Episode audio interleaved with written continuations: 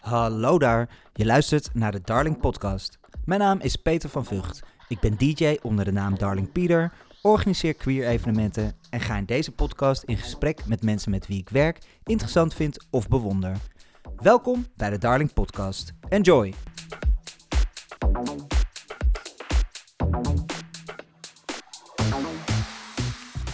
Ze begon als danseres in het nachtleven. Ze was niet weg te slaan in clubs als de It en Roxy. Was jarenlang danseres bij CB Milton en reisde de wereld over. Begon haar tv-carrière als VJ bij muziekzender TMF. Presenteerde voor SBS en RTL verschillende programma's zoals Sex Quiz on the Beach, tv-makelaar Dancing with the Stars, Char en De Bus.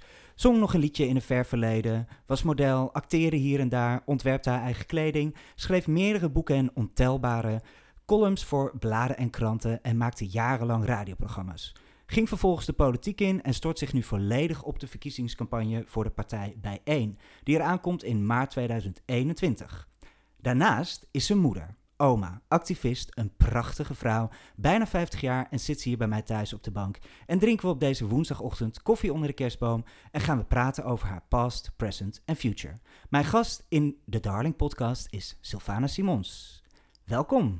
Dankjewel, Peter. Wat een mooie intro. Ja, Het blijft gek om uh, te horen uh, wat ik toch eigenlijk allemaal al gedaan heb in mijn leven. Ja, het houdt niet op, toch? Het is best veel, ja. Hoe gaat het met je? Nou, het gaat goed. Ik zeg er tegenwoordig altijd bij naar omstandigheden, want we leven natuurlijk in een bijzondere tijd die veel van ons vraagt. Vooral denk ik mentaal en emotioneel. We leven in een onzekere tijd. Um, maar ik moet zeggen dat het uh, mij erg goed gaat. Zoals je al zei in je intro, erg druk met wat komen gaat uh, in maart volgend jaar. Ja, want straks gaan we het uh, volop over bijeen hebben. Ik wil een beetje door de past, de present en de future gaan. Dus we gaan terug naar kleine Sylvana. Jij bent geboren in Hoorn. Daar nee. ben je opge sorry, je bent opgegroeid in Hoorn. Ja, onder dus je andere. in Paramaribo precies, geboren. Precies, ik ben geboren in Paramaribo in 1971. Uh, met mijn ouders in 1972 naar Nederland gekomen. En toen heb ik de eerste jaren van mijn leven in Amsterdam gewoond. De Kinkerbuurt ben ik ja. uh, als klein meisje opgegroeid. Ik zeg altijd op de, op de Tenkatenmarkt. En uh, daarna zijn we naar Osdorp gegaan, aan de rand van de stad. En op enig moment vonden mijn ouders het nodig om naar Horen te verhuizen. Toen was ik een jaar of tien, elf ongeveer. Dat was een grote verandering, maar ook een hele fijne natuurlijk voor klein meisje dat uit de stad komt en ineens ja, toch de ruimte van West-Friesland uh, ja. uh, om zich heen heeft. Dus het was, uh, ja, dat was het. Hoe was jij als kind? Was jij een makkelijk kind? Ik denk dat ik een heel makkelijk kind was. Ik was vrolijk kind, heel spontaan. Mijn moeder die vertelt altijd verhalen over hoe ik iedereen op straat altijd maar aansprak en impertinente vragen stelde. En altijd de buschauffeur interviewde. Vindt u het leuk om buschauffeur te zijn? En uh, waarom vindt u het dan leuk? En dan zei moeder, kom, kom, we moeten door. Ik ben heel erg, ik heb een hele bijzondere context, zeg maar, waarin ik ben opgegroeid. Want ik ben uh, de jongste, enig kind van mijn ouders samen.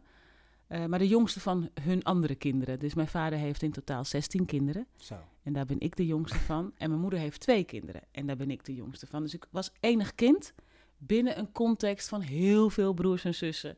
Uh, waar ik ook echt wel mee ben opgegroeid. Uh, maar die allemaal een stuk ouder waren dan ik. Dus ik was ook zo'n kind wat heel vaak bij de volwassenen zat. Waren jouw broers dan beschermend over jou? Ja en nee. ik ben alleen opgegroeid. Dus ik had geen broers en zussen in huis. Dus ik had in dat opzicht best veel vrijheid. Maar ik heb me wel altijd beschermd ge gevoeld, ja, wetende dat ik... Ik heb, ik heb acht broers. Ja. En uh, ik riep altijd tegen iedereen, nou, ik haal, ik haal ze er zo bij. En dat is helemaal nooit gebeurd, want mijn broers waren al, net wat ik zeg, bijna volwassen. En hadden hun eigen leven, hun eigen gezin, woonden helemaal niet bij ons thuis. Waren jouw ouders open mensen? Ben jij, heb jij een open-minded opvoeding gehad? Ik zou bijna willen zeggen ja en nee. Ik heb mijn opvoeding als heel erg streng en ouderwets ervaren. Ongetwijfeld heeft dat te maken ook met cultuur. Mijn vader was een typische, autoritaire Surinaamse vader. En ik ben opgegroeid in een heel vrije omgeving hier in Nederland. Dus dat botste wel eens. Ja. Maar als het ging over gevoelens en gedachten en uh, uh, de samenleving, dan heb ik absoluut het gevoel dat ik heel vrij ben opgevoed. Dus met, met, met, met de open houding van probeer zo min mogelijk oordeel te hebben. Iedereen is iemands kind. Dat is Mm. al het uitgangspunt. hoe oud was jij toen jij terug naar Amsterdam ging? Nou, ik was heel jong. Want ik was een opstandige puber op enig moment. Ik heb een, als ik aan mijn jonge jeugd denk, dan denk ik aan een beschermde op, uh, omgeving. Uh, maar als ik aan mijn puberteit denk, dan uh, zie ik daar echt wel een probleemkind. Ik heb heel vaak gezegd, als mijn kinderen maar de helft zouden flikken van wat ik vroeger geflikt heb, dan uh, gooide ik ze er ook uit. Bij wijze van spreken. Maar ik weet nog dat er een dag was, heel, het klinkt heel simpel achteraf, waarin ik ongetwijfeld weer eens iets geflikt had als te laat thuiskomen of zo. En toen zei mijn vader, ja, dit zijn de regels hier in huis en als je er niet aan wil houden, uh, dan moet je maar weg. Toen dacht ik, nou, maar dat is een goed idee. Ik, ik ga vind, wel. Ik ga wel. hoe oud was je toen? Toen was ik veertien. Oh. Dat en dat is, is natuurlijk jong. veel te jong. Maar ik had het geluk van dat vangnet. Dus ik inderdaad uh, boos het huis uitgelopen, wat kleding meegenomen en geld uit de binnenzak van mijn vader gejat. Maar ik had zusters en broers in Amsterdam, dus ja. daar kon ik terecht. Ik, hoefde, ik kwam niet op straat terecht. Dus ik ben eerst bij familie in huis uh, gegaan. Moet ik wel even wat context geven. Ik was inderdaad inmiddels een opstandige puber. Totaal niet op mijn plek binnen het schoolsysteem waar ik in terecht was gekomen. Ik was veel te nieuwsgierig, veel te bij de hand. Ik had altijd maar vragen en ik, ik kon maar met, met, met, met sommige antwoorden geen genoegen nemen. Ik ben naar Amsterdam en ik zat op de balletacademie toen al. Mhm. Mm -hmm. Bij Lucia Martas ja. in Amsterdam. En daarvoor reisde ik elke dag op en neer tussen Horen en Amsterdam. Maar dat dansen was mijn alles. Ik denk ook wel mijn redding. Want als je op je veertiende het huis uitgaat, dan kan het echt heel erg verkeerd met je aflopen. Ja. Maar ik ging wel elke dag naar mijn balletlessen. Ik deed de vooropleiding, dus dat was elke dag na school. Ik ging niet naar school, maar ik ging wel naar mijn balletlessen. Uh, uiteindelijk ben ik ook in het systeem terechtgekomen. Dat wil zeggen, uh, uh, begeleidkamer wonen en nou ja, goed, alle, alle opvanghuis. Daarna begeleidkamer wonen. Al met al is dat redelijk goed gelopen. Maar in de tussentijd, als ik erop terugkijk, is dat op, op geen enkele manier natuurlijk een normale situatie. Had je dan wel contact met je ouders? Uh, in het begin niet. En ik denk ook, ik bedoel, het verdriet dat ik mijn ouders moet hebben aangedaan in die periode, dat kan ik me niet eens voorstellen. Maar het was nooit een kwestie van ik hou niet van mijn ouders of mijn ouders houden niet van mij. Het was meer, ik wil een leven dat mijn ouders niet begrijpen. Ja. Ik wil dansen, ik wil vrij zijn. En je eigen keuzes. En ik wil mijn eigen keuzes maken. En natuurlijk was ik daar veel te jong voor, maar het gevoel was heel sterk. En ik kwam in Amsterdam terecht. Ja, het was natuurlijk een paradijs. Uh, ook door het dansen kwam ik met mensen in contact die heel creatief waren. Ik kwam in het uitgaansleven. Er ging een wereld voor mij open. Dus dat was veel spannender. Maar um, uiteindelijk is de relatie met mijn ouders vrij snel weer goed gekomen. In die zin dat zij hebben geaccepteerd, denk ik, dat hun dochter een vrijbuiter is. Op enig moment ben ik zelfs weer een tijdje thuis gaan wonen. En hoe oud was jij toen je in het uitgaansleven terechtkwam? 14. 14. oh, ja hoor, wow, absoluut. 14. Dus dan hebben we het over 1985. Ja, ja. Waar ging je uit? De Regelies Dwarsstraat was populair. We hadden toen nog, uh, nou, in ieder geval uh, de Richter natuurlijk. Ja, Dus Havana. Havana en alle barretjes, de April en de Amnesia en uh, nou ja, goed, de, de, de straat. En de straat was destijds een stuk gemixter eigenlijk, ja, toch? absoluut. Mensen waren niet zo heel erg mee bezig, in ieder geval niet in die straat, wat je nou was. Nee, het was wel, het was wel uh, een roze straat, zoals Ja, dat nu ook een roze straat is. Je wist waar je naartoe ging, maar het was zeker gemixter, want ik heb me er altijd thuis gevoeld. Überhaupt was de samenleving, denk ik, opener op een bepaalde manier. Ik herinner me, ik moest daar van de week toevallig aan denken dat ik dacht, ja, maar waar is toch de tijd gebleven dat we te pas en te onpas, overdag, s'nachts, uh, dat ik met mijn vrienden in drag over straat liep. Ja, Weet je wel, niet ik, maar mijn vrienden. Eh, eh, dat, dat, het was heel vrij en er was ook heel veel diversiteit toen in de straat. Ik heb het gevoel dat we toen veel meer alles door elkaar deden. ja. En toen gingen clubs open op een gegeven moment, zoals de IT en de Roxy. Ja, Ik heb gehoord, jouw allereerste eh, danservaring in de IT was de dag dat Grace Jones kwam Klopt. optreden. En een kaartje kostte 75 gulden. gulden. Dat was veel te veel voor Sylvana. Klopt, klopt. Dus kwam jij eh, via iemand die je kende, die daar een soort eh, dance captain was, van nou, zet mij maar op een hak op een blok. Ja, En dan kan ik naar Grace Jones. ja, ja, ja, dat zal ik ook echt nooit vergeten. Want nou, ik, ik, ik danste en ik kende andere dansers. En toen kwam Grace Jones en ik dacht, ja, dat moet ik zien. Maar 75 gulden, dat was ongeveer... eh dan kon ik twee weken van eten, bij wijze van spreken. Dus het was veel te veel geld. En toen heb ik gebeld, ik moet naar binnen. Ja. Nou, kom dan maar dansen. De eerste avond stond ik in een zwart badpakje... met een witte Cleopatra pruik op en een fluitje. op de bar. En ik dacht, oké, dan doen we dit, weet je wel, ook goed. En dat was mijn allereerste avond. En ik ben daar eigenlijk tien jaar gebleven met, met, met op en af en met zwangerschap tussendoor. Ja, ik zeg altijd, ik ben in de IT geboren. Omschrijf eens een, een avond in de IT, de sfeer die daar hing. Jeetje, nou ja, ik denk, als je, ik kan het het beste omschrijven. Het is een vrij extreem voorbeeld, maar ik kan het het beste omschrijven aan de hand van een van de vaste klanten. Die man die kwam, ik zeg vaste klanten, maar hij kwam misschien twee, drie keer per jaar naar de Mhm. IT. Hij kwam binnen, trok bij de garderobe eh, zijn- kleren uit, wandelde naakt naar binnen. Het was trouwens een kleine, kleine man met een enorme, enorme piemel. Derde been. Juist. en dan ging hij even een paar uur achter in de club op een podium eh, uit zijn dak. Viel niemand lastig, sprak met niemand, hoefde niks van niemand. Dan liep hij weer naar de garderobe, deed hij zijn kleren weer aan en ging hij naar huis. En dat was dus de vrijheid die er Ja. in de IT heerste. Ik, het is een extreem voorbeeld, maar het geeft voor mij zo goed aan hoe vrij je daar kon zijn. Iedereen die daar naar binnen ging, die wist, ik mag alle, alle maskers mag ik hier achter me laten. Er kwamen ook mensen binnen juist om een masker te kunnen dragen, juist om iemand anders te kunnen zijn. Maar wat je ook was, wie je ook was, wat je ook deed, het kon daar. Er was niemand die je daarop veroordeelde of lastig viel. En wat ik daar geleerd heb, ehm, was de vrijheid om te zijn. En daarmee bedoel ik, ehm, ik weet hoe het voelt om zonder oordeel mezelf te kunnen zijn, omdat ik dat in die omgeving gezien heb, gedaan heb en geleerd heb. En ik heb daar ook dingen gezien en gedaan waarvan ik misschien ook had kunnen denken: oh, dat is raar. Hoe komt, komt zo'n man nou één keer in zoveel tijd hier zo een beetje met spiemel? eh, met, dat, De sfeer hing er. de sfeer hing er. Er was geen oordeel. Waarom Nee. zou ik daar oordeel over hebben? Dus wat ik daar ook geleerd heb, is laat iedereen in diens waarde.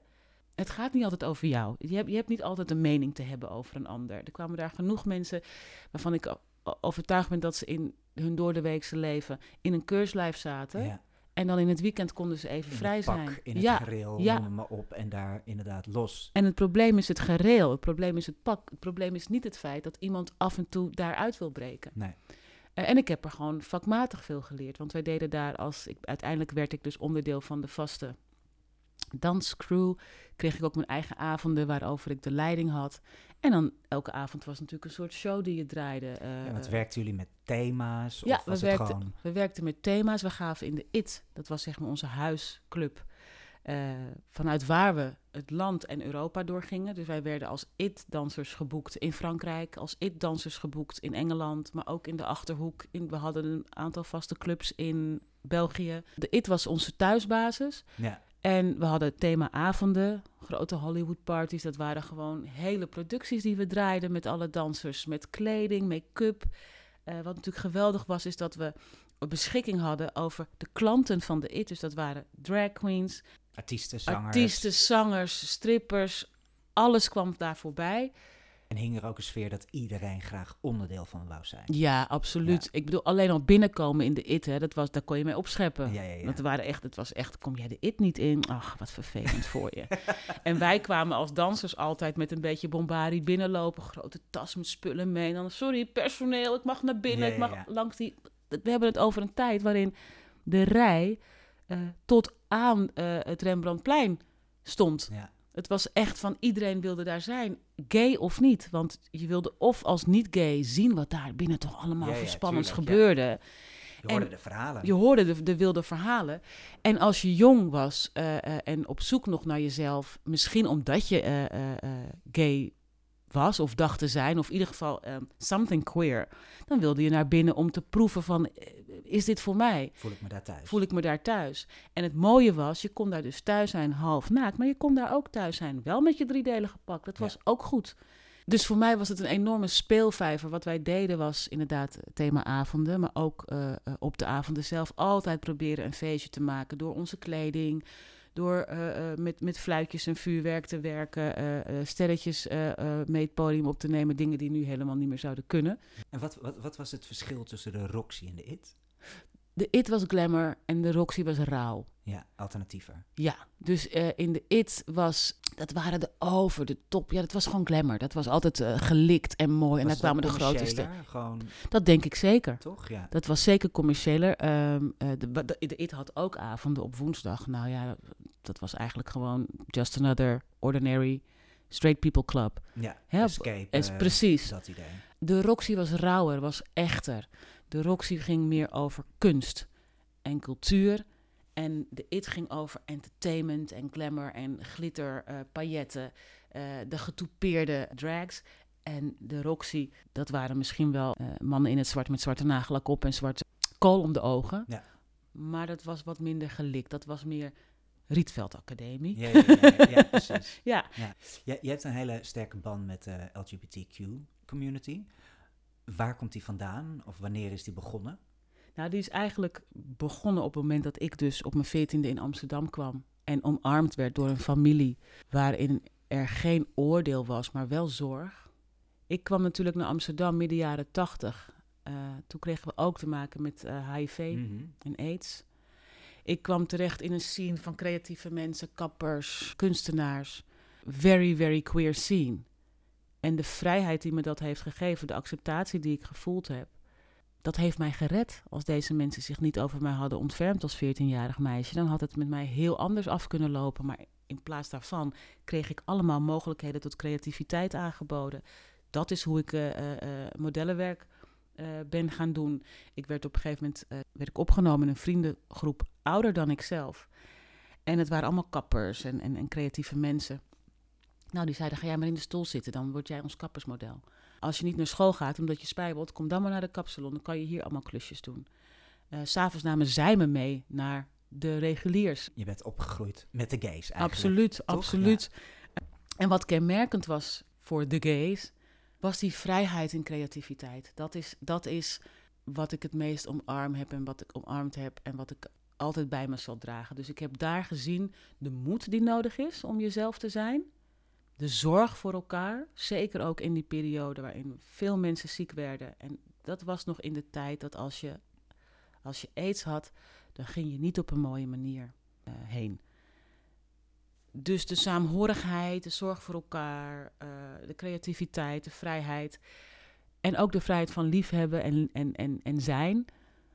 Ik heb nog nooit, ik, ik, heb, ik heb in andere, andere clubs, andere gelegenheden eigenlijk nooit zoveel liefde gezien als ik bijvoorbeeld in de IT heb gezien. En misschien was het liefde voor een dag of voor een nacht. Soms maakt dat niet uit. Maar het, maakt, maar het was wel liefde. Het was precies, precies. minder echt. Precies. Maar die tijd is natuurlijk ook bizar. Ik kan me niet eens voorstellen. Maar gewoon dat mensen wegvielen in die Bij jaren. bosjes. Bij bosjes. En ook gewoon de mensen die, die wekelijkse Ja. gezichten waren in de clubs. Ja. Die in één keer niet meer Ja. wekelijks te zien waren. Het was echt heel vaak van, oh, die en die is er niet. Ja, nee, eh, je hoeft het niet eens uit te spreken. Het was een tijd waarin een hele generatie, ik noem het steeds maar queer people, Mhm. ehm, heeft gevochten om te mogen zijn wie ze zijn. Maar ook gewoon om, het, het, het ging echt over existentieels. Dus ineens was daar die, die ziekte, die epidemie, die, die heel erg ingreep op de identiteit van mensen. Het was niet van je kunt ziek worden. Nee, je kunt ziek worden omdat je bent wie je bent. En omdat Mhm. je doet wat je doet. Ja, Dat- want het wordt nog steeds heel erg als een homoziekte gezien. Precies. Ja. En in die tijd, een en al mysterie. Hoe kan je het krijgen? Wie heeft het? Dat was natuurlijk ook zoiets. Hè? Oh ja, eh, onzichtbare sluipmoordenaar. Het was heel heftig en het vroeg gewoon heel veel van de community. Maar de community heeft dat ook zichzelf gegeven. Dat vond ik zo mooi om te zien. Het was ook voor mij een, eh, een wake-up call. Ik was nog steeds heel jong natuurlijk, maar ik zag wel om me heen mensen om, om wie ik was gaan geven ziek worden en verdwijnen. Allemaal stuk voor stuk heb ik van die mensen geleerd: leef. Leef to the fullest. Tot het gaatje, tot je erbij neervalt. Want het kan heel snel gaan. Het kan heel snel gaan.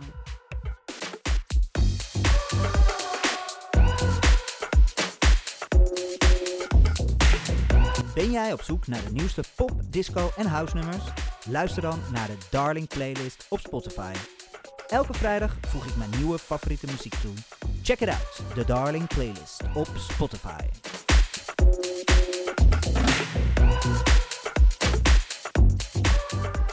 Jij bent onderdeel geweest van Two Brothers on the Fourth Floor. En jij was heel lang eh, danseres bij CB Milton. Ik kreeg op een gegeven moment, eh, werd ik eh, in een club aangesproken door een, een artiestenmanager. En die zei, oh, ik heb nog een zangeres, die gaat binnenkort een plaatje maken, toeren. Wil jij dan daarbij dansen? Nou, hartstikke leuk, zo gezegd, zo gedaan. En zo kwam ik eigenlijk in het achtergrondwerk um, terecht. Dat was ook weer zo'n mooi cadeautje, want dat bracht me ook weer over de hele wereld. Ik heb heel lang met C.B. Milton gedanst, uh, Clarence. En dat is nog steeds een van de meest dierbare mensen in mijn leven. Hebben jullie nog steeds veel contact? Niet veel contact. Want hij woont in Barcelona, toch? Ja, hij woont nu in Barcelona al, al heel lang. Hij reist heel veel, want hij speelt nu bij Playing for Change. Een hele mooie organisatie die muzikanten van over de hele wereld met elkaar verbindt. Ja. Wat, wat weinig mensen zich realiseren of misschien moeilijk voor te stellen vinden... is als je samen optreedt, als je samen iets creatiefs doet, dat is heel intiem. Wij hebben jarenlang elke avond van A naar B gereden. Ja, dan ga je echt je leven met elkaar delen. Hè? Dus je, je, je weet alles van elkaar. Um, zo kijk ik ook op die periode terug. En ook omdat ik zo ontzettend veel heb mogen zien van de wereld. Ja. En daardoor belandde je bij Team F. Ja. Team F was natuurlijk, nou ja, ik was 12 toen Team F wow, begon. zo jong. Ja, en, maar dat was voor mij wel echt, daar had je het over op school. TMF en MTV en dat was allemaal nieuw. En je wou, elke dag uh, keek ik naar de dagtop 5 ja. en dan stuurde ik een fax. Een fax, ja. En Kunnen we het nog voorstellen, een ja, fax sturen? Ik denk dat, dat wellicht mensen die nu luisteren niet eens weten wat een fax is. Mijn dochter weet niet wat een nee. fax is. nee, nee. Lex, uh, Lex Harding, de TMF-baas, die uh, vroeg wat je wou doen. Jij zei, ik wil zwarte muziek, R&B en soul op de kaart zetten. Uh, dat heb je gedaan, want ik denk dat je voor, uh, dat zul je vast niet helemaal alleen in geweest zijn, maar je hebt een hele grote speler, was jij in uh, die muziek mainstream te maken. Ja. Want ik was een, een soort nerd die elke week de top 40 haalde bij de Rabobank. En dat helemaal ging doorspitten en jaarlijsten. En ik ging ze dus toch weer eens even bijhalen. En dan heb je inderdaad voor 95, dan had je wel Whitney en Mariah. Klopt. Maar uh, Whitney hè, werd heel erg voor white passing Juist. gezien qua muziek. Werd, uh, het was veel te pop, et cetera. En dan is er een leven na 95 in de Nederlandse muziekindustrie. En dat in één keer ook de Arnhems gewijs en de replay, de Absoluut, Romeo's, de ja. Nasty, noem Ja, maar op stonden. En hits scoorden in de hitlijsten. En dat is toch echt met Sylvana Soul begonnen. Daar ben ik uh, zelf in ieder geval wel van overtuigd. En ik kan me nog een moment herinneren dat ik dat zeker wist. Er gebeurden twee dingen. Uh, ik kwam inderdaad bij uh, TMF. Ik had een, twee audities gedaan.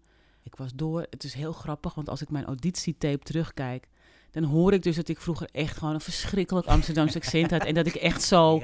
Ja, dat ik echt zoiets had van... Nou, mijn naam is Stefana en ik kom hier uh, auditie doen en zo. ik weet ook niet hoe ik daar weer vanaf ben gekomen. Ik heb geen les of zo genomen. Ik ben gewoon volwassen geworden. En ik zei inderdaad, ik wil de muziek waar ik zelf naar luister... wil ik hier gaan brengen. Want uh, dat is de muziek waarmee ik ben opgegroeid thuis... vanuit mijn ouders meegekregen. En de muziek waarop ik danste in de clubs, in de zwarte club, zeg maar... En het was ook uh, de muziek waar, waarnaar ik luisterde op piratenstations. En ik hoorde het eigenlijk nooit in het openbaar. Het was, het was, ik dacht altijd, bestaat, bestaat het wel, weet je wel? Ik, ik, ik zag het nergens terug. Ik ben begonnen met Sylvana Soul en ik durf echt te stellen dat uh, daarmee die stijl ja, heeft kunnen opbloeien in Nederland. Dat was zonder mijn programma niet gebeurd. Uh, ineens was er een platform in Nederland. Dus platenmaatschappijen waren ontzettend blij. Want artiesten die in Amerika groot waren, die het hier nooit goed deden, die hadden geen, geen, geen plek om hun verhaal te doen of überhaupt om gedraaid te worden. Gingen wel naar Engeland, maar kwamen nooit naar Nederland. En ineens was die plek er wel. Er waren natuurlijk ook Nederlandse artiesten die naar zwarte muziek luisterden en dachten, ja, dat wil ik ook maken. Maar als niemand het draait, houdt het snel op. Ja. Ineens kwamen er videoclipjes, werd er geïnvesteerd in uh, muziek. Ik, ik, kreeg, ik kreeg de bijnaam de Dutch, Dutch Queen of R&B. Uh, die bijnaam uh, kreeg ik. En ik was niets meer dan een doorgeefluik. Ik bedoel, ik ben zelf geen muzikant, maar ik kon wel anderen nu dat platform geven. En ik denk dat uh, de Nederlandse muziekscene daardoor blijvend veranderd is. Had en, jij zelf dan ook inspraak op van, ik zou deze graag willen interviewen? Of ik ja, heb dit dat ging, gehoord? Ja hoor, zeker. Dat, dat, dat, het was eigenlijk een, een uit de hand gelopen hobbyproject, leek het wel. Dat is natuurlijk heel oneerbiedig als ik het zo zeg, maar we deden alles zelf interviews aanvragen, interviews voorbereiden, interviews maken, interviews uh, editen, interviews. Ik niet alleen, dat klopt. Ik had natuurlijk een vaste redacteur, David Caspi. En we waren natuurlijk heel erg afhankelijk van platenmaatschappijen. Uh, maar we kregen wel alles en iedereen aangeboden.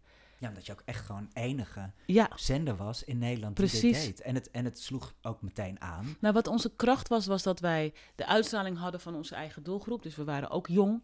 We gingen misschien niet meer naar school en waren dan misschien niet om drie uur thuis. Maar die uitstraling hadden we wel. We waren Ja. bereikbaar. Je kon inderdaad faxen. Dus je kon direct contact maken met je favoriete VJ. We deden allemaal iets dat bij ons paste. Ik deed naast R&B deed ik ook nog de dance. Omdat ik ook toen ik daar aan tafel met Lex zat, zei... luister, ik ben elk weekend Ja. ergens in een club in. Europa. Ik weet wat er gedraaid wordt op de dansvloeren. Ik weet wat werkt. Eh, dus ik wil ook graag de dance doen. Dus dat heb ik ook een hele tijd gedaan. En nog een grote. Kijk, het ging mij niet omdat ik een genre neer wilde zetten. Zo bewust ben ik er niet aan begonnen. Maar dat is wel wat er gebeurde. Ik wilde Ja. gewoon mijn muziek delen. Mijn favorieten delen. En uiteindelijk bleek dat eh, gouden greep. En het is natuurlijk ontzettend leuk dat ik, heel, dat ik daardoor heel veel van mijn persoonlijke helden heb mogen interviewen. Van Mariah Carey en Will Smith tot, tot, tot, tot, tot Maxwell en, en Lauren Hill. Eh, al die mensen heb ik mogen ontmoeten. Daarover gesproken, ik heb een klein lijstje gemaakt. En dan gaan we even This or That spelen. Oké, goed. Niet te lang nadenken, Eh, intuïtief. daar gaan we. Maxwell of D'Angelo? Maxwell. Want Daar is, is een speciaal, die, die heeft jou... Die heeft mijn hart een beetje gestolen. En ik, ik denk, ik, om een lang verhaal kort te maken, ik, ik, ik twijfel nou nog altijd. Vond hij me nou leuk of niet? Want ik vond hem wel leuk. en ehm, had ik moeten reageren op die enorme bos bloemen die hij naar mijn kantoor heeft laten sturen? Wat heb ik daar laten liggen? Dat is nog steeds een grote vraag. En is er dan niet nog steeds een kans om hem te berichten? Ik denk steeds, die man heeft geen idee meer wie ik, wie ik ben. Dat was toen leuk, misschien. Misschien was het ook wel gewoon een bos bloemen uit beleefdheid. En als ik nu voor zijn neus sta, denkt hij, wie? Wie is Lieve deze oudere dame? Lieve Sylvana, laten we even niet al te eh onnozel doen. Wanneer iemand chanst met jou, ja. dan heb je dat door. dat is namelijk hoe iemand je aankijkt. Ja. Dat is een tinteling, die gaat door je lichaam. Eh, la- Ja. we ga- je- En je bent heel professioneel geweest, dat is alleen maar dat siertje. Maar er was iets, punt. Er was zeker iets, ja. Als hij naar iedere interviewster een bos bloemen heeft moeten sturen... dan is dat een hele eh, Ja. grote eh, bil geweest. Ik denk niet dat hij dat gedaan heeft. Ik heb toch echt de illusie dat ik inderdaad een beetje speciaal eh, voor hem ben geweest. Of dat hij in ieder geval lichte interesse had. Maar het was zo onwerkelijk om... twee dingen. Het was onwerkelijk. Omdat hij Maxwell was. Omdat hij Maxwell was en hij, hij maakte natuurlijk ook de muziek. Ja, nou ja, als, ik, als ik eraan denk, begin, raak ik al eh, Oh, ik ook. ja, buiten adem. En ik wilde inderdaad professioneel zijn. Dat was op dat moment heel erg belangrijk voor me. Ik, ik had volgens mij ook gewoon een relatie hoor. Dus dat kan ook nog wel een rol, Oh. een rol hebben gespeeld. Klein, minor detail, minor detail. ik weet het niet eens meer. Maar eh, het was ook voor mij heel belangrijk om, ehm, juist omdat ik binnen zo'n kleine scene, binnen de muziekscene en eh, eh, aan, aan het werk was. En met al die mensen van die platenmaatschappijen te maken had en Je zo. geen naam krijgen of Precies, wat dan ook. precies. Praten. Was het een beetje seks, drugs en rock'n'roll bij TMF? Veel te weinig. En dat, ze- dat, dat waren de woorden van Lex Harding zelf. Die zei altijd van, nou, kom op meiden, een beetje, een beetje rock'n'rollen, een beetje. Maar wij waren eigenlijk heel braaf. Ja. Ehm, we werkten heel hard. We deden er alles aan om dat station op de kaart te zetten. En ik was ook al moeder eh, van anderhalf kind. Ja. Dus eh, ik ging ook gewoon naar huis en dan de vloer schrobben en, eh, en eten maken en luiers verschonen. Ehm, dus mijn stukje, ik kan niet voor iedereen spreken. Ik denk wel eens, nou, ik had, ik had best wat wilder mogen zijn. ja, ja. ja. De volgende. Ja. Jill Scott of Erica Badu? Jeetje, dat is echt. I know. Ja, ik, ik, pff, eh, onmogelijk deze. Eh, Jill Scott of Erica Badu. Ik vind dat Erica Badu, we owe her. Zij heeft wat ik misschien heb mogen doen voor het genre in Nederland, dat heeft zij eh, op haar manier in haar. Zij heeft Neo Soul op de kaart gezet, Mhm. zo niet ontworpen. Een hele nieuwe manier van, van, van soulmuziek gecombineerd met hip-hop en spoken word en gewoon briljant. Ik ga toch Jill Scott zetten, want ik zet dat vaker op als ik alleen thuis ben. Zij is zo dominee. Zij, precies, zij is, weet je, zij Oh. neemt mij mee. Ja. Ik, ik, voel, ik voel alles wat ze doet. Ik ga, De volgende. Solange of Beyoncé? jeetje, je hebt ze wel uitgezocht, zeg. Beyoncé, omdat ik also denk, omdat ik ook hier bij haar denk, we owe her. Impactful. Volgende. Anouk of Marco Borsato? Je maakt het me echt lastig. Eh, Ik heb er nog een paar hele ik zeg, eh, ik zeg Marco. Ook omdat ik dat nou eenmaal, als ik in de auto zit, vaker opzet. Ik ben echt eh, een beetje fan van Marco. Wat hij met Nederlands, Nederlandstalige muziek doet, om je zo te raken, ja, dat vind ik ook heel knap. Blackstreet of Boys to Men? Peter! Blackstreet. Boys to Men was misschien ook wel wat meer pop, wat meer mainstream, middle of the road. So the white people can like it. Mhm. Replay of Romeo. Ah, je doet het echt. Dan zeg ik replay, want zonder replay geen Romeo. Dat is een hele goede uitleg. Alicia Keys of Mary J. Blige? Ah, Alicia is de betere artiest. Ik ben met Mary J. Blige opgegroeid in de zin van Mary J. Blige was bij wijze van spreken de reden dat ik Sylvana Soul wilde doen. Mhm. Tony Braxton of Lauren Hill? Wat een onmogelijke keuzes geef je Ik mij. heb het expres gedaan. Ik, ik voel dat hier inderdaad Omdat ik, ook- opzet. ik ben echt naar de jaren negentig Ja, want dit zijn echt mensen die op hetzelfde moment eh, groot waren of opkwamen. Of in ieder geval, het zijn goede tegenstellingen. Daarom is het ook zo moeilijk om te kiezen. ah, oké. Gun on my head. Tony Braxton, Lauren Hill. Tony Braxton. Ook weer, omdat zij eerder was in mijn ervaring. Kijk, dan zal ik je niet nog veel meer. Ik doe nog eentje. En dat is Brandy of Monica. Nou, dat is wel een hele mooie, want dat is natuurlijk een, een publieke vete geweest tussen deze twee R&B-diva's die samen een hele grote hit scoorden en vervolgens elkaar niet, eh, bleken niet elkaar te kunnen uitstaan. Ik had Brandy een keer in de studio en ik mocht haar een gouden plaat of zo overhandigen voor het nummer The Boy Is Mine, dat ze samen met Monica had gemaakt. En toen zei ze echt zo, keek ze naar de foto en zei ze, oh look, it's Monica. Zo van, ik moet toch wat zeggen, iets, iets, niet, iets niet onaardigs, weet je wel. Toen dacht ik, oké, de vete is eh, waarschijnlijk echt. Ja. Ik kies denk ik voor Brandy omdat haar impact zo enorm ook is geweest in de. En haar in de- stem En haar, ze, is- ze is onderschat, echt waar. ja, en haar stem is zo herkenbaar. Ja. Maakt niet uit wat ze zingt. Ja. Is echt bizar. We gaan even door met presenteren. Jij ging eh, in 1999 stap je over van TMF naar SBS. En heb je bij SBS en RTL jarenlang eh, programma's gepresenteerd. Welk programma vond je het allerleukst om te doen?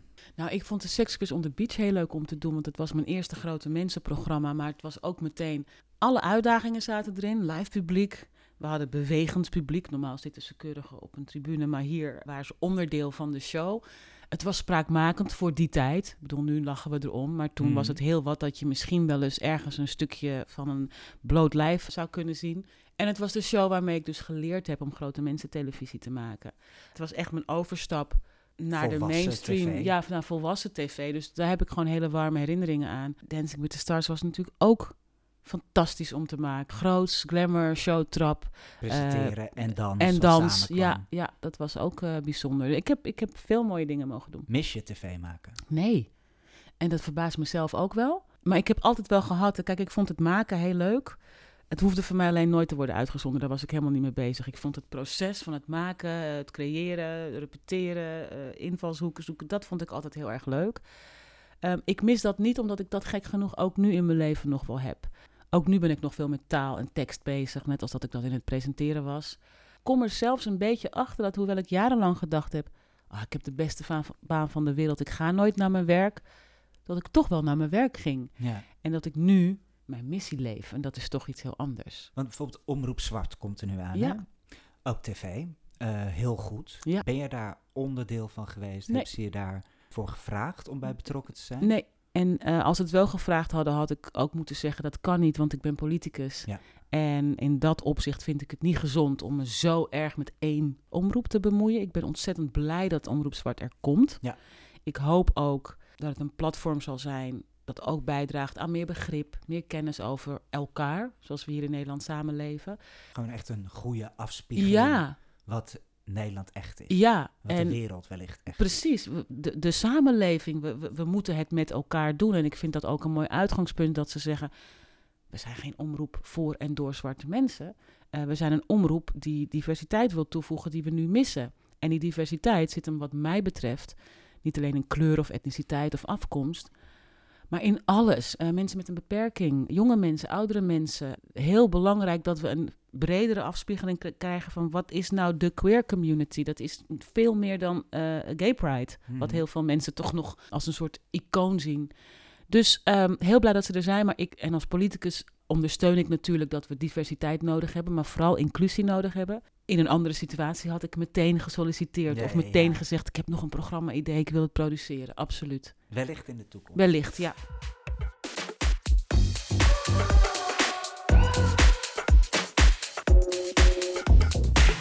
Ben jij op zoek naar de nieuwste pop, disco en house nummers? Luister dan naar de Darling playlist op Spotify. Elke vrijdag voeg ik mijn nieuwe favoriete muziek toe. Check it out, de Darling Playlist op Spotify.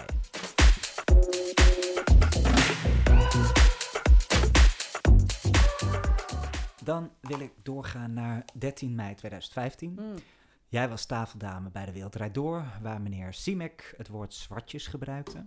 Jij sprak me hierop aan en een groot deel Nederland viel over jou. Ja. Omdat jij iets te sprake bracht wat niet hardop gezegd Ja. mocht worden. Ja. I- i- er is een leven voor 13 mei 2015 Ja. en een leven daarna. Ja, jij bracht racisme onder de aandacht. Ik heb je ergens horen zeggen, eh, Nederland denkt dat we zo open-minded en tolerant zijn. En ik deel dat 100% met jou, die mening, want dat zijn we helemaal niet. Weet je wel, dat we ooit allemaal een soort wild waren en dat Nederland bekend staat, of eh, hè, bijvoorbeeld Amsterdam met de wallen en drugs mag hier en seks is open. En maar god, jullie zijn de eerste die het homohuwelijk hebben goed gepraat. En hè, we, we leven hier met eh, eh, alle kleuren langs elkaar. En we zijn toch hartstikke open-minded, want jij bent homo, nou dat is toch prima. Nee, we zijn helemaal niet Nee. tolerant. Helemaal Nee, het is, een, het is een, een, een mythe die we onszelf verteld hebben en waar we zelf ook in zijn gaan geloven. Ik heb daar ook heel lang in geloofd. Ik wist niet wat me overkwam na mijn eh, opmerking tegen Martin Siemek. En tegelijkertijd wist ik, ja, Sil, dit, dit wist je dus juist wel. Je wist dat dit ging gebeuren. Daarom heeft het zo lang geduurd voordat je je mond opendeed. Ik heb 25 jaar lang in mijn carrière het moment vermeden. Uit alle macht. Ook uit angst? Uit angst. Bang Want- voor reactie? Absoluut. Ik wist namelijk dat er heftig gereageerd ging worden. Ik wist, je mag hier alles aankaarten, maar het moet aan de oppervlakte blijven. Die tolerantie eh, eh, van ons is oppervlakkig. Nederland is het land van, ik heb niks tegen homo's, maar... Ze, moet moet- het niet zien. ze moeten ze niet zien, ze moeten niet in mij in de buurt komen, ze moeten me niet aanraken, ze moeten me niet aankijken en ze moeten lekker dat achter de voordeur maar doen. Ik moet er geen last van hebben. Eh, mijn hele leven hoorde ik, nee ja, kijk, ik vind dit en dit van zwarte mensen. Ja, nee, jij niet hoor, jij bent oké. Jij bent anders. Jij bent anders. Ik wist dat het oppervlakkig was. En ik wist dat ik ontzettend veel problemen zou krijgen als ik dat zou benoemen. Maar ik wist ook dat het moment daar was. Ik moest het benoemen. Ik kon daar niet zitten, dit laten gebeuren en niks zeggen. Juist omdat ik een van de weinige zwarte gezichten in de media ben. Juist omdat ik eh, een moeder ben die tegen haar kinderen zegt: onrecht hoef je niet te accepteren. En juist omdat ik wist, ik heb een manier gekozen die helemaal niet aanvallend is. Ik zei niet, hey vuile racist, hou je bek. Dat nee, zei ik niet. Ja, ik, Ja. ik nodigde hem uit om een gesprek te voeren door een vraag te stellen. En dit was de reactie. En dat was voor mij echt een streep in het zand. Dat was echt het moment dat ik me realiseerde. Ik ben onderdeel van het probleem zolang ik deze hypocrisie zelf ook accepteer. Zolang ik het dus niet ter sprake breng. Zolang ik dus niet blootleg wat ik en velen met mij, mensen die op mij lijken, vrouwen, eh, maar allerlei mensen die in onze samenleving gemarginaliseerd worden, naar de rand van de samenleving worden geduwd. Ik doe die mensen tekort als ik niet gebruik maak van mijn positie om iets te kunnen zeggen. En dat is het moment dat ik echt mijn verantwoordelijkheid heb genomen. Z- Zag jij voordat jij, hè, voordat dit gebeurde, zag jij voorbeelden op de Nederlandse televisie die dit onderwerp ook bespreekbaar maakten? Weinig. Kijk, ik zag wel. Er, er werden natuurlijk. De media werkt op een grappige manier. Er werden natuurlijk pogingen gedaan. Al lang voordat ik hiermee bezig was, in de jaren zeventig. eh, heeft iemand als Philomene Asset al een boek geschreven over alledaags racisme in Nederland. Maar dat is makkelijk te negeren. Ja, ja, ja. Hè, Voor, dus- eh, wat, eh, we hebben het even over massa. Hè? Want Precies. Natuurlijk, het is altijd hetzelfde als met Black Lives Matters. Dat heeft weer een gigantische 2.0 of een 100.0 versie gekregen dit jaar. Maar het is nooit weg geweest. En dat is met racisme ook niet. Het was er altijd en er waren ook mensen die het aankaarten, maar die waren makkelijk te negeren. Ja. En ik heb gewoon een knuppel in het hoenderhok gegooid. Ehm, En de media dook er vol op. volop. En dat, ik bedoel, het was ook interessant, zo'n zo'n leuk... Tot die tijd was ik een leuke, exotische presentatrice. En ineens ging ik me maatschappelijk uitspreken. Nou, dat was al... Hallo, tut, tut, wil jij gewoon even leuke, trap, leuke jurk aantrekken, de showtrap aflopen? en eh, dan ben ik ook nog een vrouw. Ik ben ook nog een zwarte vrouw. En dit waren onderwerpen waar ik me daarvoor eigenlijk nooit over had uitgelaten. En ineens ging ik me overal mee bemoeien. Zo werd het een beetje ontvangen. Voor mij was het nee, als we dan all the way gaan, dan ga ik ook all the way. En dan, ehm, dan ga ik er alles aan doen om deze hypocrisie te stoppen. En dat is lastig, want dat betekent dat je door ongemakkelijke gesprekken moet gaan. En dat ik ook dingen moet agenderen die ik zelf niet altijd fijn vind om te bespreken, maar die wel echt besproken moeten worden. En ook juist in de politiek, want de politiek is de plek waar we woorden als kop voor de tax aan te danken hebben. Dat is geen woord dat iemand hier op straat bedacht heeft. Dat is een woord dat ergens in Den Haag, in een, in een politieke denktank, uh, verzonnen is. Met als effect andere mensen tot minderwaardig te bestempelen. Het, het, besef dat ik iets moest doen omdat ik het kon doen, dat, dat, dat kwam al vrij snel. Voelde jij je eenzaam in ja. die tijd? Ja. ja dat je er alleen voor stond? Ik voelde me eenzaam omdat heel weinig mensen het begrijpen. Mensen die niet in mijn situatie zitten, zaten, die begrepen het niet. Maar zelfs mensen die op mij lijken, zelfs zwarte vrouwen, zwarte mannen, niemand begreep het. Want niemand had ooit in mijn situatie gezeten. Ik was tot 13 mei 2015 een succesvolle uh, mediapersoonlijkheid. Een week later werd ik bedreigd, verloor ik opdrachten, was ik gewoon niet meer gewenst op heel veel plekken, omdat mijn aanwezigheid gedoe met zich meebracht. Mm -hmm. We willen u wel boeken, maar moeten we dan ook security boeken? Nou ja, laat dan maar zitten. Dan vragen we wel iemand bij wie dat minder uh, stress oplevert. Ik werd in één keer controversieel. Al die mensen waren ook, zo leek het, in één keer al mijn jaren daarvoor op de televisie vergeten. Ineens was het je bent een landverrader. En ik dacht, maar twee weken geleden was ik nog die leuke exotische presentatrice. En ik moet ook heel eerlijk zijn, het doet ook zeer als je privileges moet opgeven. Als je in een dikke auto rijdt omdat je gesponsord wordt en je krijgt uh, een telefoontje van ja, die moet je toch echt morgen inleveren. Want we, Hè, want we, we, we willen met jou niet langer geassocieerd worden. Ja. ja, dat zijn allemaal wel bittere pilletjes om te slikken.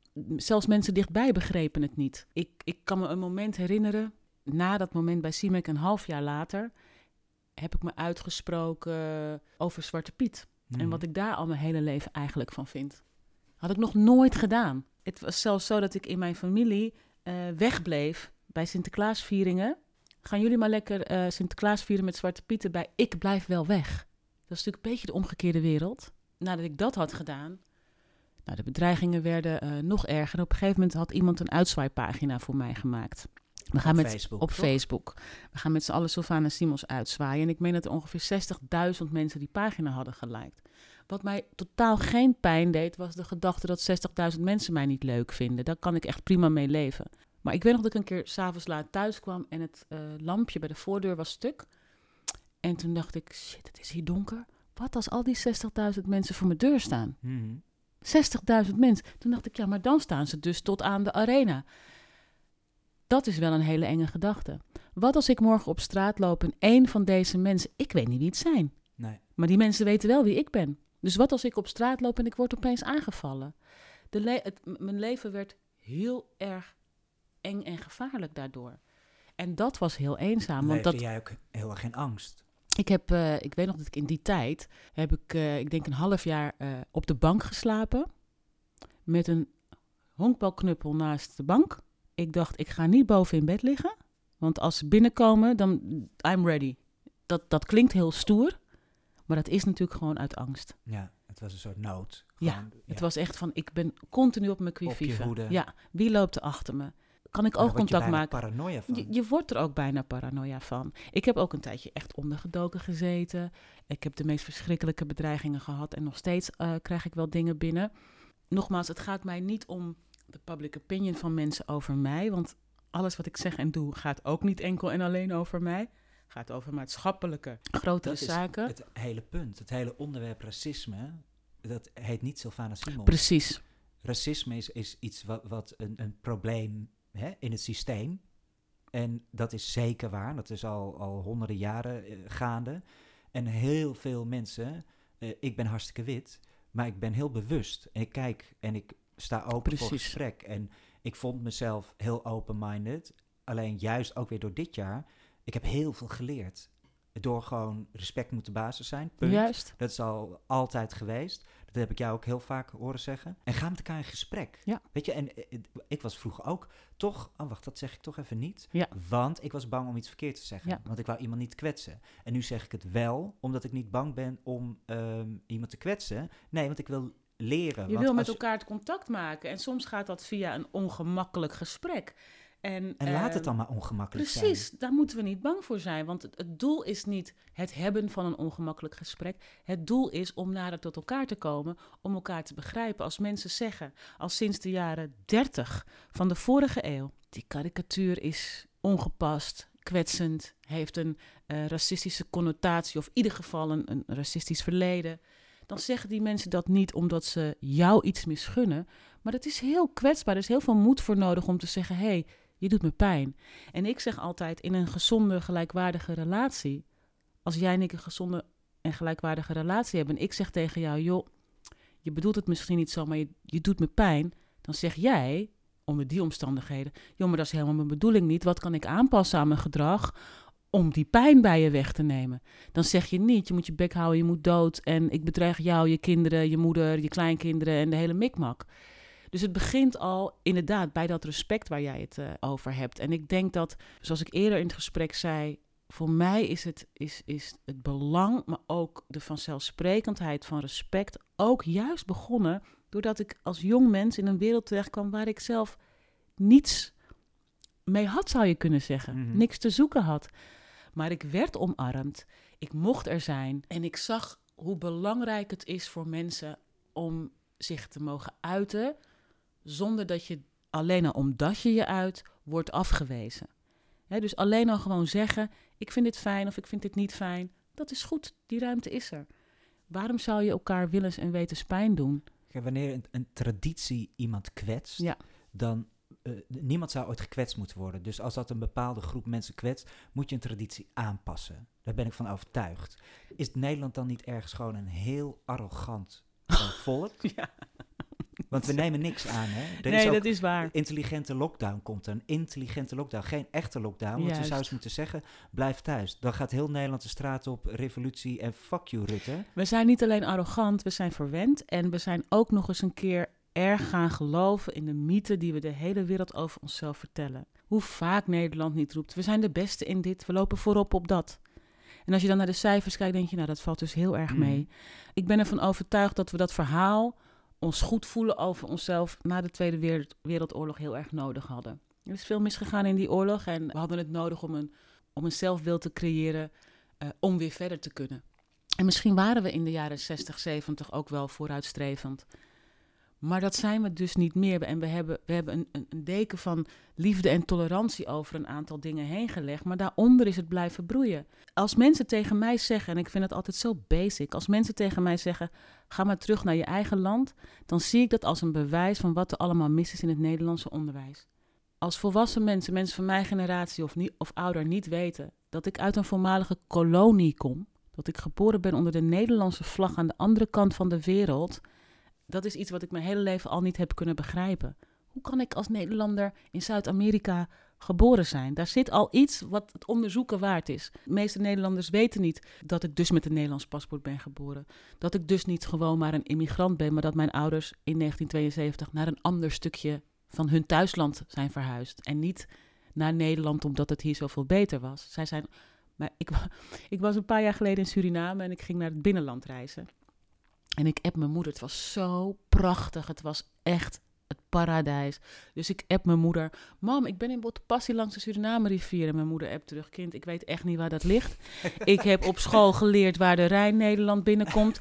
Uh, ik, ik ken alle uh, provincies, uh, topografie. Maar je moet me niets vragen over Suriname. Nee. Heeft zij op school nooit gehad. Nee.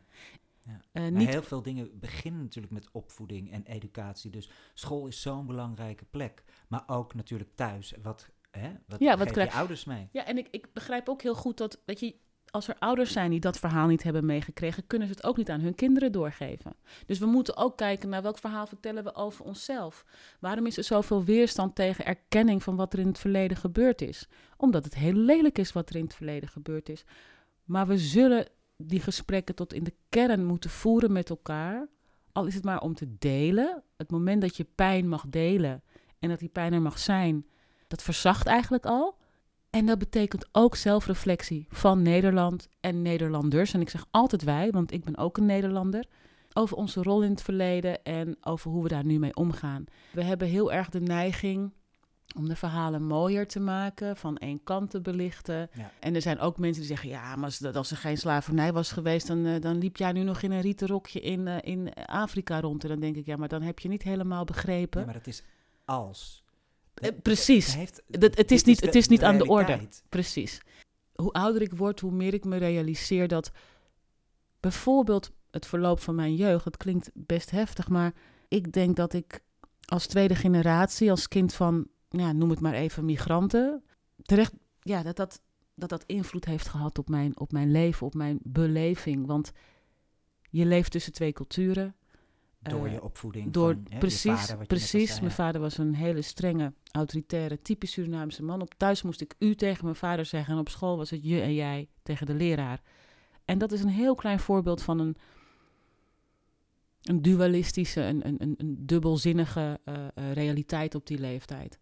Maar ook, ik was een heel slim kind en ik kreeg toch een lager schooladvies. Als ik problemen had, dan werden die geweten aan mijn cultuur of mijn achtergrond. Nog steeds maak ik momenten mee. Hè? Nog steeds zeggen mensen tegen mij: Spreek je eigenlijk goed Nederlands? Dat is een hele kwetsende opmerking voor een Nederlandse vrouw Ja. die hier gewoon haar Ja. hele leven woont en leeft. En, maar het zegt mij ook iets over het verwachtingsniveau dat mensen hebben van iemand die eruit ziet zoals ik. Nee, nee, en 9 van de 10 keer zegt het iets over de ander. Ja. En niet over jou. Ja. En dat moeten we af en toe ook ons beseffen. Absoluut. En boven kunnen staan. Ja. Alleen, je hebt wel heel vaak moeten slikken. Ja, en ik zeg ook heel vaak: kijk, ik heb me heel goed kunnen redden. Ik ben heel succesvol geworden in de dingen die ik deed. Eh, want er zijn wel meer meisjes die willen dansen, maar er zijn niet veel meisjes die dan ook de kans krijgen om de hele wereld over te reizen, vervolgens bij tv terecht te komen. Ik bedoel, ik heb het systeem wel, I tackled the system. Mhm. Eh, ik ben niet een achtergesteld persoon of zo, eh, die het zo ontzettend zwaar heeft. Maar het kan niet zo zijn dat, dat je alleen maar mee kunt doen omdat je een grote... Ik heb een grote mond. Ik ga voor, als ik een kans zie, dan grijp ik hem. Maar dat is ook oneerlijk. Het kan niet zo zijn dat alleen de mondige mensen op de wereld kansen krijgen. Of dat alleen de, eh, de toegankelijke mensen met een toegankelijk uiterlijk. Of de mensen die het meest zich mainstream kunnen aanpassen, dat die alleen een kans krijgen. Het gaat echt niet alleen maar over Sylvana Simons en hoe zielig Sylvana Simons wel niet is. Het gaat over ongelijkheid binnen onze systemen. En het ergste van die ongelijkheid is dat die bewust gecreëerd wordt. Het is geen. Het is niet per ongeluk dat sommige mensen in sommige wijken wonen. Dat heeft te met van alles en nog wat te maken wat heel bewust beleid is.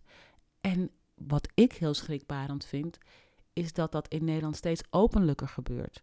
Dus het wordt steeds openlijker om te zeggen: ja, we moeten eh, eh, arme mensen uit eh, bepaalde wijken weren, want anders gaan die wijken zo achteruit.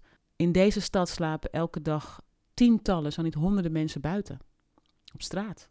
Dat zijn dezelfde mensen die we straks, als het aan de VVD ligt, gaan weigeren om in, in, in, in Zuid te mogen wonen.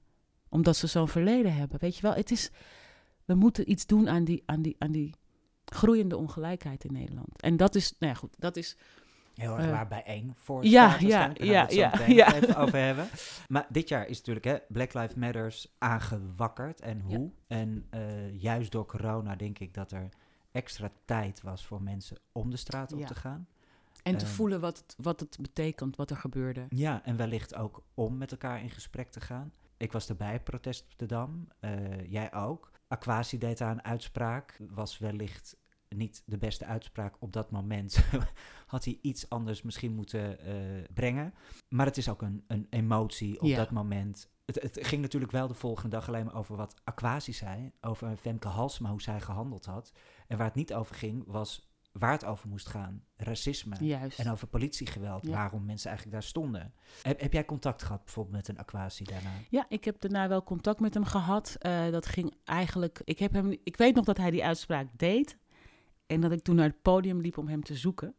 Omdat ik tegen hem wilde zeggen: Oké, hier ga je shit mee krijgen. Mhm. Iedereen die op die demo was, die weet, heeft gevoeld wat een fijne, saamhorige sfeer daar hing. Het was Ja. vredig, het was helend. Ja.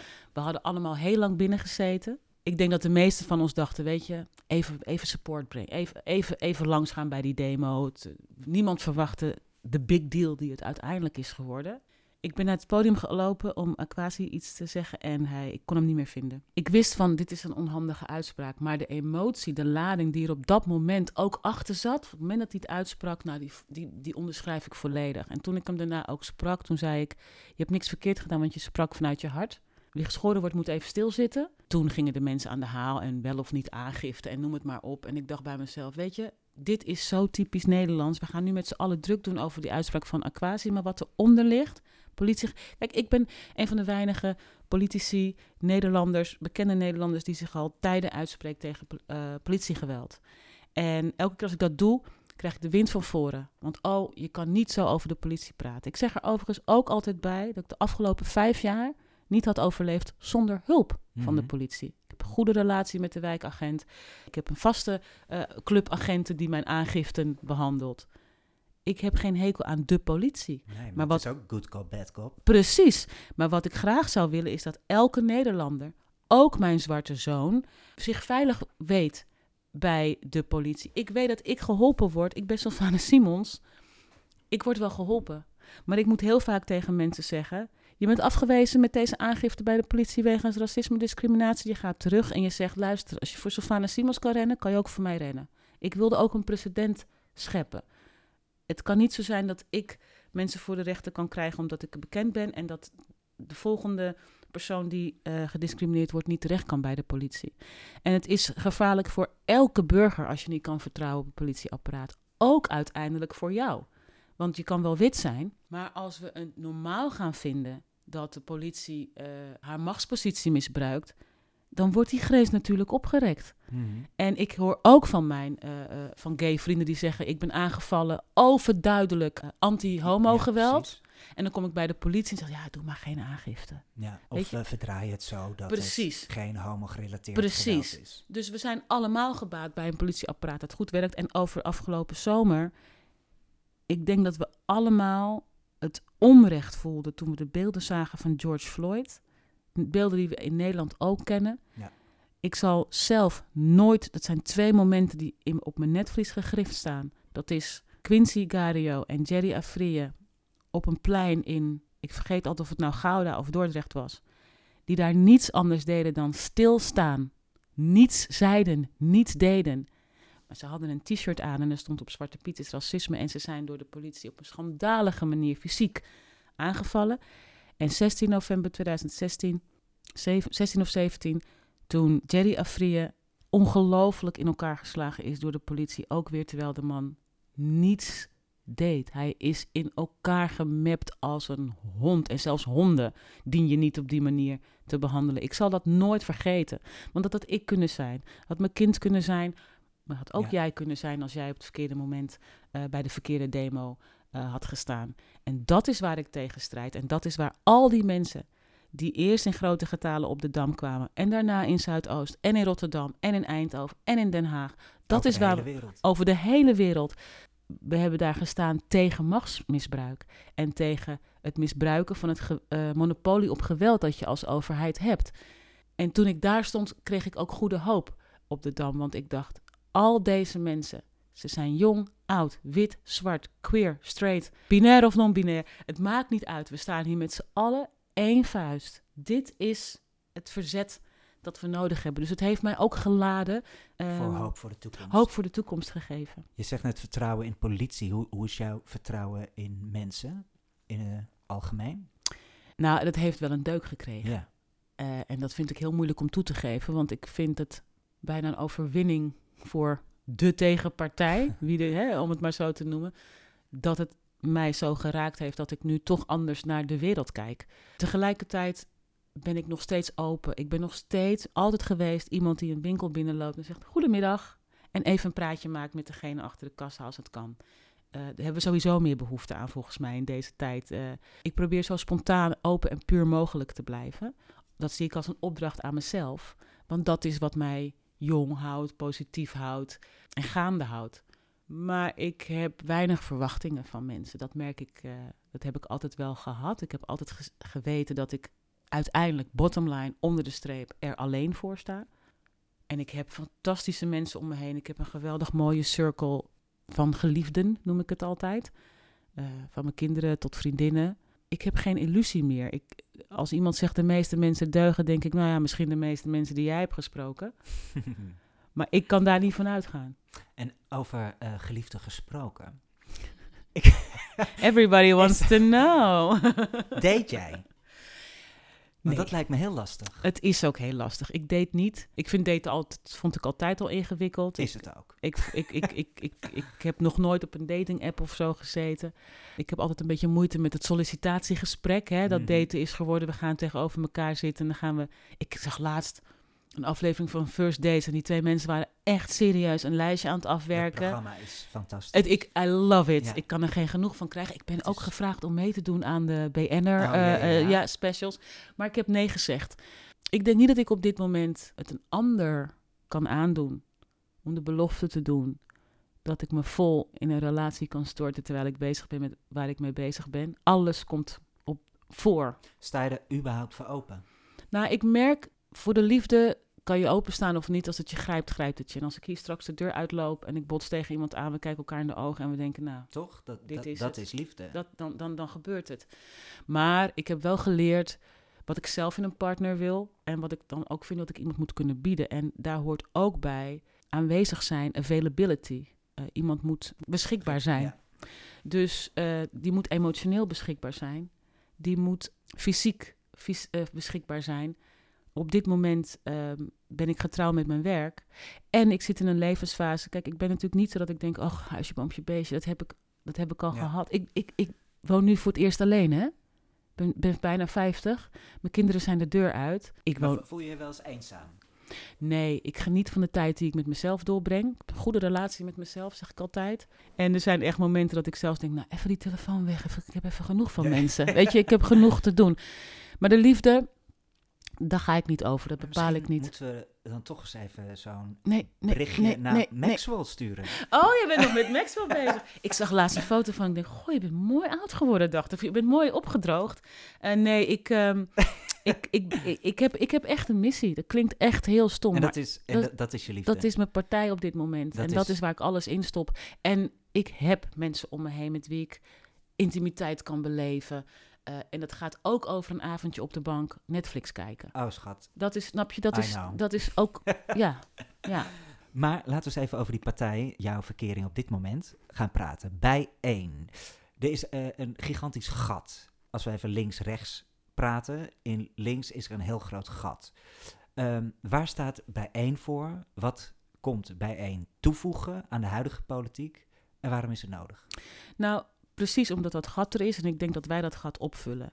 Wat we de laatste 20, 30 jaar gezien hebben in Nederland, en dat, voelen, dat voel je ook elke dag, is dat het, de politieke mainstream is verschoven naar rechts. Daarom is er ook een gat ontstaan, omdat ook linkse partijen langzaam naar het midden, naar het midden schuiven. En dat is zo omdat iedereen de grootste wil zijn, wil regeren, uh, uh, uh, dat soort macht nastreeft. En de hele tijd wat water bij de wijn. Precies, dus, dus, dus we hebben nu linkse partijen die zeggen, weet je, er, er staat groot onrecht aan te komen. Ik geef even een heel hypothetisch voorbeeld. Elke student moet per maand 400 euro gaan betalen om te mogen studeren. Nou, zeggen dan linkse partijen, dat staan wij niet toe. Niks 400 euro. We maken er 200 van. En dan denken dat je iets gewonnen hebt. Terwijl wij een partij zijn die zeggen: het gaat niet om uh, uh, van, van 4 naar 200 euro. Het gaat om dat we dat gewoon eens even lekker helemaal niet gaan doen. We gaan niet uh, studenten zodanig op kosten jagen dat ze hun leven beginnen met een enorme schuld. Ik had laatst een debat met iemand van GroenLinks, even om te illustreren. En die zei: Nou, helemaal trots, want wij hebben geregeld Afghaanse vluchtelingen. die moeten eerst een persoonlijk, hun case moet persoonlijk bekeken worden voordat ze teruggestuurd mogen worden. Nou, wij hebben een motie binnengehaald in Amsterdam die zegt we sturen ze gewoon lekker helemaal niet terug. En dat is het verschil. Wij zijn een radicaal linkse partij. Dus wij doen geen kapitalistisch water bij de wijn. We zeggen niet een beetje, onder, een beetje onderdrukking is minder erg. Nee, we zeggen geen onderdrukking, geen uitsluiting. Dat wordt gezien als radicaal, maar wat ik ontzettend mooi vind om te zien is dat toen wij in 2017 met onze slogan kwamen van radicale gelijkwaardigheid, iedereen, oeh, radicaal, wat een ingewikkeld woord en agressief. En nu hoor ik links en rechts, GroenLinks, Partij van de Arbeid, CDA, iedereen heeft opeens het woord radicaal en radicale gelijkwaardigheid um, in de mond. Dus dat is het gat dat wij opvullen. Ik, ik stel met regelmaat dat wij de enige echt linkse partij zijn op dit moment. Een van die dingen die uh, volgend jaar te, staat te gebeuren, volgens mij januari, dan word jij 50. Ja! Hoe vind jij ik als ik, als ik naar de, de, vrouw tegenover mij kijk, dan zie ik daar geen vrouw van 50 zitten. Maar dat is ook weer uh, iets wat in mijn hoofd zit. Want een vrouw Hoe van ziet 50, een vrouw van 50 eruit? Snap je? Ja. Want als ik achter jou kijk, heb ik daar een, um, een poster van Cher aan de wal hangen.